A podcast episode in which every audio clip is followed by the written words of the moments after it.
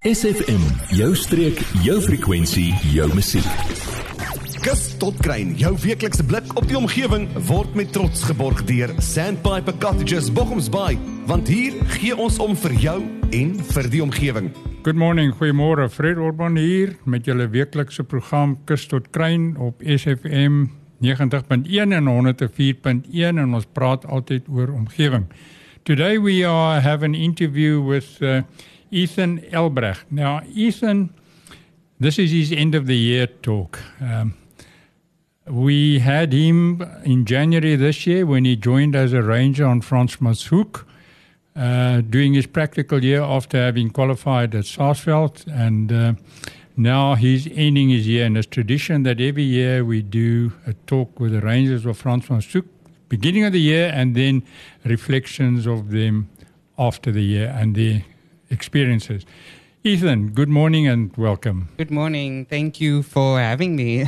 Well, I mean, we can't do without you, you know. I mean, how do we end it off if it wasn't for you? A good year. How was your year this year, by the way? It was an experience of a lifetime. I definitely enjoyed it fully, 100%. Yeah, that's nice saying that, but how did you enjoy it? What, what were the highlights of your experience? Well, well, first of all, the highlight, the first highlight for me was working with the community where the community actually cares about saving the environment and actually want to do something to better themselves with the environment. Which communities are you talking about? That's the communities in, in the under the jurisdiction of the Fransmanshoek Conservancy. Correct, yes. Which ones are they? That's Vleesbaai, Boggomsbaai, and Springerbaai. Right. Your your area, in other words, goes from the eastern border of, of Springerbaai to the eastern border of uh, Canon. That's correct, yes. Well, fantastic. And uh, you say you enjoyed working with the people? 100%. Are people yes. very conscious of? They are definitely conscious. There where I'm working, they are 100% conscious. And did you act as a policeman sometimes uh, in a nice way, I hope? Unfortunately, I had to, yes. okay, but uh, we will we will carry on now just after some music, and then we'll uh, ask you of some more experiences that you've had at Frans van Soek, because uh, I think you're an example of our youth today to see what could be done and what should be done by the youth to to conserve our very fragile and uh, kostbare environment. yes. Word deel van ons Facebookblad vandag nog facebook.com vorentoe skuinstreepie SFM streek. Good morning, uh, Fred Robin here, and I'm having an interview and a delightful interview with a guy by the name of Ethan Elbrecht from Fransmanshoek Conservancy. Ethan, you started with the Conservancy beginning of the year and you're ending it now, possibly. Maybe you're going to continue your voyage with Fransmanshoek or some other place with uh, the environment plays an important part in your role. You, you were born and bred in Mossel Bay, is that correct? That's correct, yes. Where did you school? I went to Point High School. I hope some Point High schoolers that are finishing school now, or almost finishing school, listen to what can happen because you have taken a passion in your environment and you're actually practicing that. Now, tell us some of your experiences at Fransmanshoek. So my experiences there were very hands-on experiences. So I worked with animals at Springerbaai Eco Estate, where I got to do game counts and then also culling. And then also working with the environment where I was able to do an in-depth study of the foul condition. And for me, that was pretty cool. Your practical year, this is actually a practical year from Saasveld, is that correct? That's correct, yes. And this qualifies you to be called a, a game ranger? yes, nature manager. Yes. A nature manager. Yes. Okay, now you're a coastal nature manager. At this point, yes. At this point, do you intend to further your uh, invest or your studies uh, in in the in the other fields, like in the bush or the Karoo, or One day, maybe, yes. one day maybe one, Yes. one step at a time? One yeah. step at a time, yes. Okay, tell us what were some of your highlights. Just let's. For me, it was gaining the knowledge from my community, basically. So, where I was able to understand more of the veld, more of the people, more of the visitors, get that experience from my head ranger, Erich, which was actually an amazing experience for me. Which one was that? Sorry? All of them. All of your experiences. yes. Tell me, when people, you go and confront somebody and you see him fishing, uh, let's just get an example of how you act. In other words, do you go to the guy and ask him for his license or what I do do, yes. I approach the guy, I ask him how's the day going. I'm a very, I have to be very friendly towards him, otherwise I'll get chased away. So it's a very friendly phase, very slow, very confronting, Yeah. but a friendly confront. Yeah, well, that, in other words, what you are just saying to him is respect the environment. By doing that, there are licenses to be taken out. And if you haven't got a license, please get one. That's, correct, yes. your approach. Yes. It's not a policeman kind of no, no, I don't give fines, unfortunately. it's an educational Yes. experience. You don't look like a very violent guy to me anyway. But I mean, you know, so you wouldn't take that part. We're going to have a, some music and then we're going to go on to some more experiences from Ethan Elbrecht from Francis Conservancy. SFM, 'n juweel van die Suid-Kaap. Kaap, Kaap, Kaap, Kaap. Ons het nou lekker musiek gehad weer en ons luister en ons het 'n uh, onderhoud nou met Ethan Elbrecht uh, van Fransman soek Bavaria. Ethan, uh, you tell us some more of your stories, please. It's very fascinating to listen to somebody like you that has come from uh, a college, Yes. from school to a college, and from a college straight into the practical side of conservancy. Tell us some more of your highlights, please. So my last highlight would be definitely working with the community as well, but also with the visitors coming to visit our coastal line.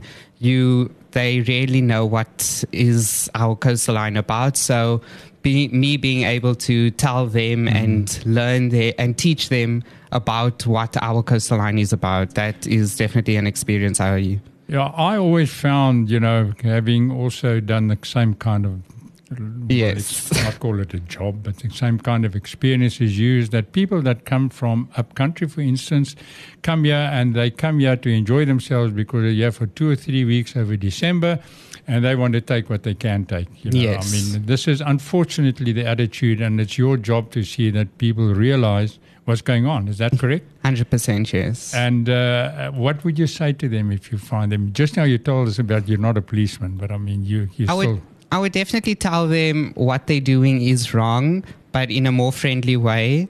As to why I would tell them that, I would explain to them why it is there, why its specific reason is there, and yeah, Do you do snake catching? yes, I do.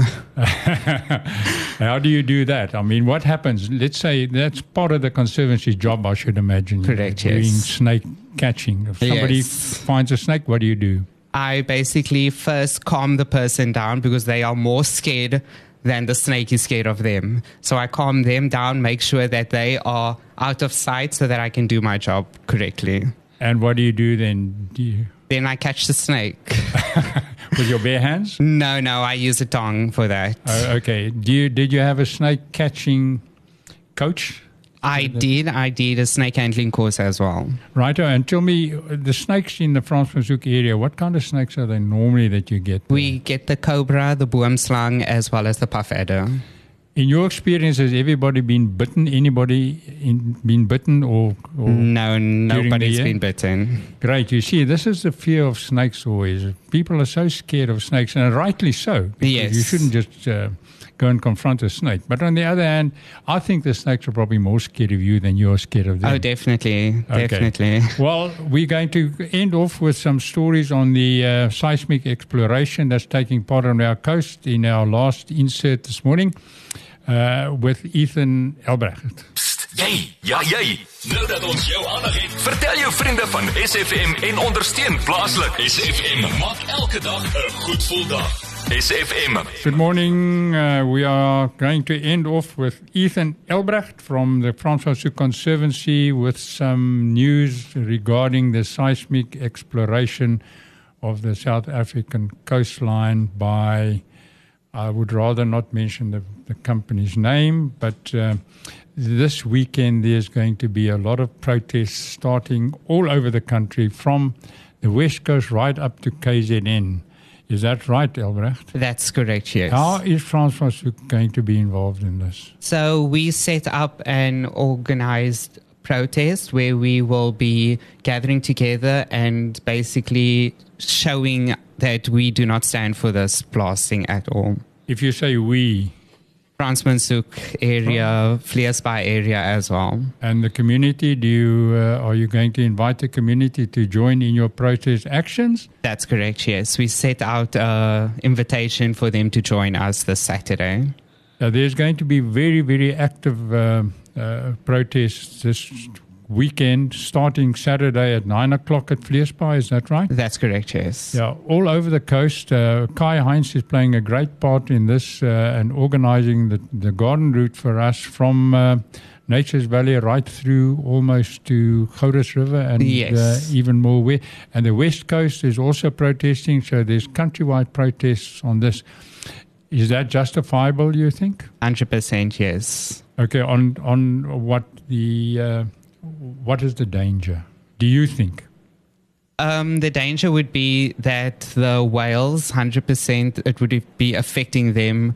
And then as well, for us, it's going to affect us 100%. In other words, if if what the scientists are telling us is that it has an effect on the uh, on the mammals and also ocean life, Yes. and uh, a seismic uh, uh, exploration really is uh, a seismic in, in Afrikaans is a seismische, and it is uh, it's actually like a, a aardbewing. yes. Uh, that's really what it is. So uh, the drilling goes down.